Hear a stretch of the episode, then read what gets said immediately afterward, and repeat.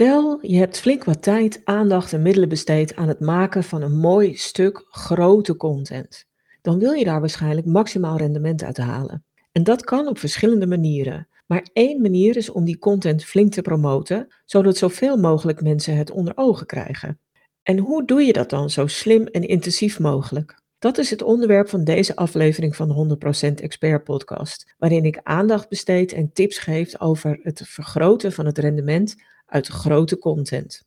Mijn naam is Linda Krijns en als contentstratege help ik kennisprofessionals en bedrijven om hun expertise beter vindbaar en zichtbaar te maken.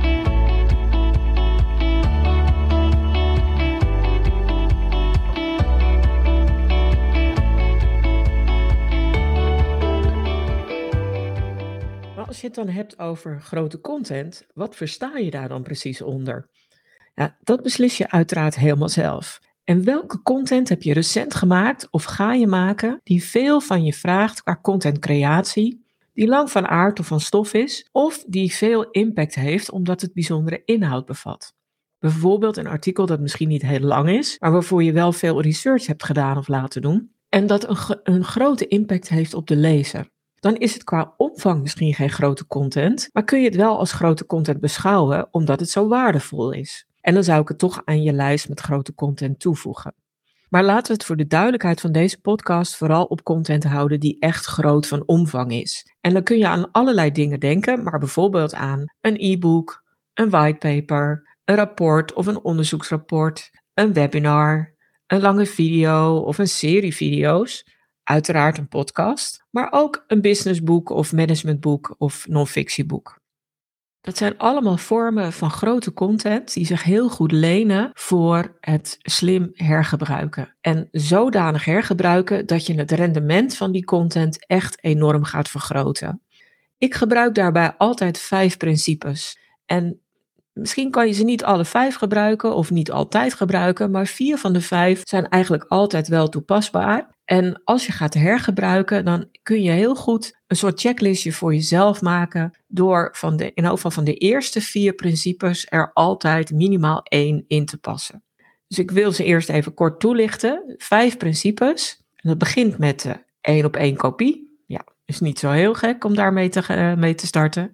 Een tweede principe betekent dat je een samenvatting maakt. Het derde principe is dat je fragmenten gaat gebruiken. Het vierde principe is dat je je grote content ook in een ander format gaat verpakken of in meerdere formats. En het vijfde principe, en daarom zei ik net dat dat kan niet altijd, is dat je meerdere stukken content gaat samenvoegen tot een nog groter contentgeheel. Nou, dat gaat niet altijd op. Maar wat bedoel ik dan met die vijf principes, als ik ze kort uitleg? Die één op één kopie ja, de simpelste manier is een artikel van je website één op één te kopiëren naar een LinkedIn-artikel. Of naar een andere website, als dat mag. En uh, dan kun je het daar ook publiceren. Dan vergroot je natuurlijk het bereik. Is het een podcast of is het een videovorm, dan kun je ervoor kiezen om die op heel veel verschillende kanalen te uploaden. Dus zo zet je die één op één kopie heel gemakkelijk in. Iets meer werk is het als je een samenvatting maakt. Maar aan de andere kant, een samenvatting maak je bijna altijd wel. Bijvoorbeeld omdat je uh, die content wil promoten in een nieuwsbrief of in een social media bericht. Dan gebruik je bijna al het samenvattingsidee. Maar je kunt een samenvatting ook op andere manieren delen. Dus een samenvatting maak je al vrij snel. Dat derde principe gaat uit dat je, van het idee dat je fragmenten gebruikt. En dat kan van alles zijn. Je kunt pakken quote selecteren, een opvallende of verhalende afbeelding uit de content halen en die los gebruiken. Of je kunt een interessant fragment uit een video of een podcast verwerken tot een trailer of teaser. Dus je kunt een fragment zelfstandig gebruiken, maar je kunt ook meerdere fragmenten weer combineren tot een nieuw geheel. En het vierde principe is het meest arbeidsintensief. Dat hangt een beetje vanaf waar je voor kiest, maar dat kan wat arbeidsintensiever zijn. En dat is dat je die vertaling maakt naar een ander contentformat. En dan verwerk je een podcast of een video bijvoorbeeld tot een blogartikel of omgekeerd. Of je hebt een samenvatting gemaakt van grote content en die verpak je ook in een staande afbeelding of in een pin of in een infographic. Van de grote content kun je natuurlijk ook als totaal een infographic maken. Je kan ook een beeldcarousel maken en je zou een e-book of een boek ook weer kunnen verwerken tot een luisterboek. Dus zo zie je dat je als je bepaalde content pakt en het gaat hergebruiken in een ander format, er zo op het oog hele nieuwe content ontstaat. Maar daarmee speel je in op meerdere wensen van je doelgroep. De een kijkt graag, de ander luistert liever of leest liever. Dus daar speel je op in. En je vergroot het bereik van je oorspronkelijke grote content enorm als je nou ook andere content formats gaat gebruiken bij het hergebruik. Ja, en dat laatste was content samenvatten. Nou, dat kan ook wel met grote content. Bijvoorbeeld als je lange blogartikelen samenvoegt tot een e-book. Of als je een serie video's of podcasts tot een eigen reeks of afspeellijst combineert. En je zou ook nog grote content of meerdere stukken content kunnen hergebruiken binnen een webinar of binnen een online training. Maar dat vraagt eigenlijk ook weer een combinatie naar een heel ander format. Dus dat vraagt wat meer van je. Nou, hoe werkt dat in de praktijk? Ik wil je in deze podcast drie voorbeelden geven van het hergebruiken van de inhoud van grote content. En dan wel van een e-book, van een webinar of van een lange video. Laten we dan beginnen met het hergebruiken van de content uit een e-book, zodat je daar het rendement van vergroot. De inhoud van een e-book biedt je echt allerlei kansen om het herhaaldelijk onder de aandacht te brengen. En waarschijnlijk krijgt zo'n e-book ook een prominente plek op je site, zodat het al heel veel kijkers trekt en bij allerlei relevante artikelen en pagina's al in beeld komt. Maar je kunt ook verschillende elementen uit je e-book afzonderlijk delen. En dan kun je bijvoorbeeld denken aan de aanleiding voor het e-book, de resultaten die het e-book de lezer biedt, omdat veel gratis e-books wel gedownload, maar niet gelezen worden. Oftewel, dan heb je het over de kernbelofte van het e-book. Je kunt, als die er is, hangt een beetje van de omvang van je e-book af, de inhoudsopgave ook losdelen, want dan krijgen mensen al een heel mooi beeld van wat erin staat. Zijn er meerdere hoofdstukken, dan kun je ook samenvattingen van ieder hoofdstuk maken. En zijn er niet meerdere hoofdstukken, dan kun je ook kiezen voor het maken van een samenvatting van het hele e-book. Je kunt belangrijke sleutelbegrippen uit het e-book delen, zoals definities, modellen, concepten. Je kunt losse tips uit je e-book halen die op zichzelf al waarde bieden. Hangt een beetje vanaf hoe je, eh, hoe je e-book is ingericht natuurlijk. Maar vaak zijn, kun je er wel losse tips uit halen. Wat je ook los kunt delen zijn afbeeldingen en illustraties. En eventueel inspirerende of prikkelende quotes die in het e-book staan of die met het e-book de inhoud ervan te maken hebben. Wat je natuurlijk ook kunt doen, is dat je het omslag van het e-book als losse visual deelt. Wat helemaal handig is, is als je quotes verzamelt van lezers die benoemen wat, wat zij eraan hebben, dan kun je die quotes ook delen. En dat is echt super overtuigend.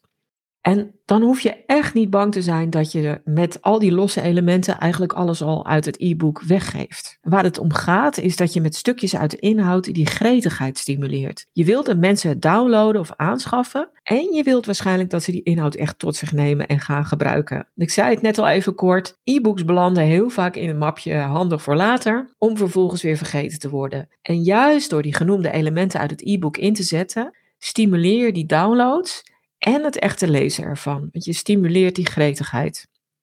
En natuurlijk kun je dit hergebruiken ook doen met een e-book dat je inzet als weggever. Mits die weggever natuurlijk voldoende inhoud en omvang heeft en er na het delen van deze elementen nog voldoende interessante informatie overblijft.